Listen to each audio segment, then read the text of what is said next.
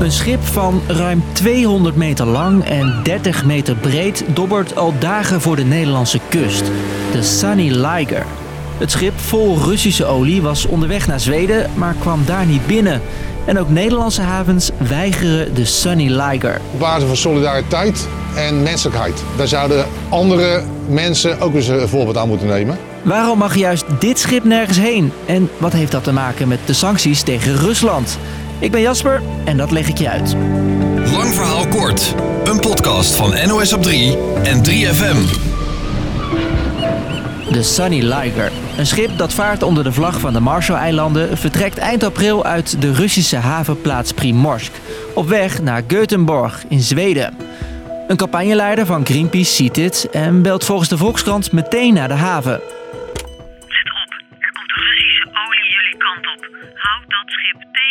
De Zweedse havenmedewerkers volgen het advies. Ze weigeren de boot. De Sunny Liger gooit het roer om en besluit af te koersen op Nederland. Maar ook de havens van Amsterdam en Rotterdam willen het schip niet hebben. Je hoort de vakbond. Wij hebben de bedrijven die erbij betrokken zijn opgeroepen om het schip niet te behandelen, maar ook het schip niet binnen te slepen. En sindsdien ligt het schip voor anker voor de Nederlandse kust. Terwijl de Sunny Liger dus al dagen ligt te dobberen, varen andere schepen gewoon door. De Sea Victory bijvoorbeeld. Dat schip voerde afgelopen dagen vanuit Rusland rechtstreeks naar de haven van Rotterdam. Kwam zonder problemen binnen en een paar uur later was alle Russische olie al uit het schip overgepompt. Is volgens havenbedrijven ook niet zo gek. Strikt sanctietechnisch is hij eigenlijk een no-brainer. Dan moet hij gewoon de haven binnenkomen. EU-landen hebben sinds de oorlog samen verschillende sancties opgelegd aan Rusland. Om op die manier Oekraïne te steunen. EU-correspondent Sander van Hoorn weet om wat voor sancties het gaat. meest in het oog springen natuurlijk de sancties tegen personen en bedrijven uit Rusland.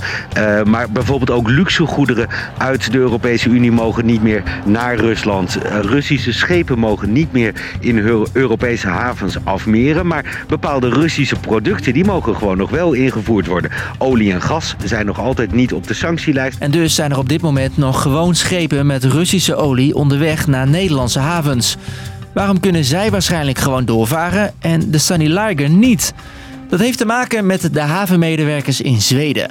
Omdat zij daar het schip hebben geweigerd, besloten medewerkers dat hier ook te doen, vertelt de vakbond. Omdat er een oorlog gaande is en eh, wij willen niet het land zijn waar straks allerlei schepen naar uitwijken, terwijl andere landen het principe hanteren van nou we doen hem niet. Maar uit zichzelf alle schepen met Russische olie weigeren, dat durft de vakbond niet. Uit angst voor rechtszaken die scheepseigenaren dan kunnen starten. Wel stimuleren ze havenmedewerkers om het te laten horen als ze er niet achter staan. Waar overheden dreigen te falen, en dat doen ze op dit moment, dan zijn er natuurlijk altijd werknemers in de wereld die dat verschil kunnen maken. Havenmedewerkers die liever een olieboycott willen, kunnen via de vakbond tijdelijk ander werk krijgen. En zonder havenmedewerkers kan een schip niet worden gelost. In Brussel wordt op dit moment gepraat over nieuwe sancties tegen Rusland. En daar hoort een olieboycott misschien bij. Schepen zoals de Sunny Liger of Sea Victory kunnen dan wel makkelijk worden geweerd uit Europese havens. Al is dat volgens Sander nog niet zo snel gefixt.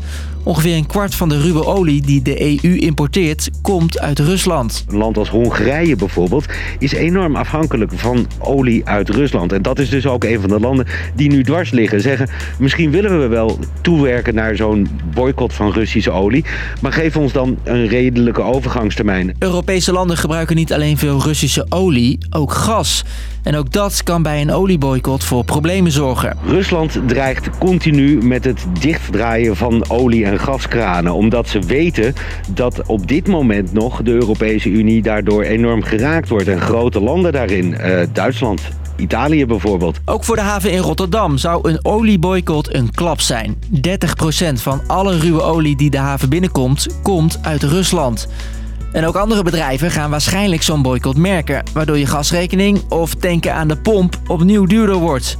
Toch komt zo'n boycott er wel, vertelt Sander. Het kan gewoon niet anders. Je kunt niet nog een nieuw sanctiepakket verzinnen zonder olie eh, daarin te doen. Hetzelfde geldt voor gas. Dit is het zesde eh, sanctiepakket bij het zevende of het achtste. Ja, zal er toch ook echt over gas gesproken moeten worden. Gewoon omdat dat de volgende stap is.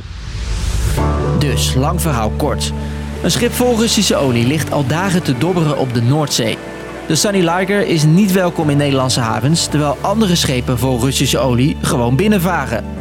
Komt er een boycott van havenmedewerkers in Zweden? Omdat zij de Sunny Liger niet wilden binnenlaten, weigert Nederlands havenpersoneel ook. De Europese Unie praat over een boycott van Russische olie om zo alle schepen te kunnen weren. Maar dat is nog niet zo makkelijk. Morgen rond 5 uur staat er een nieuwe lang verhaal kort voor je klaar. Jouw rots in de branding. Bedankt voor het luisteren.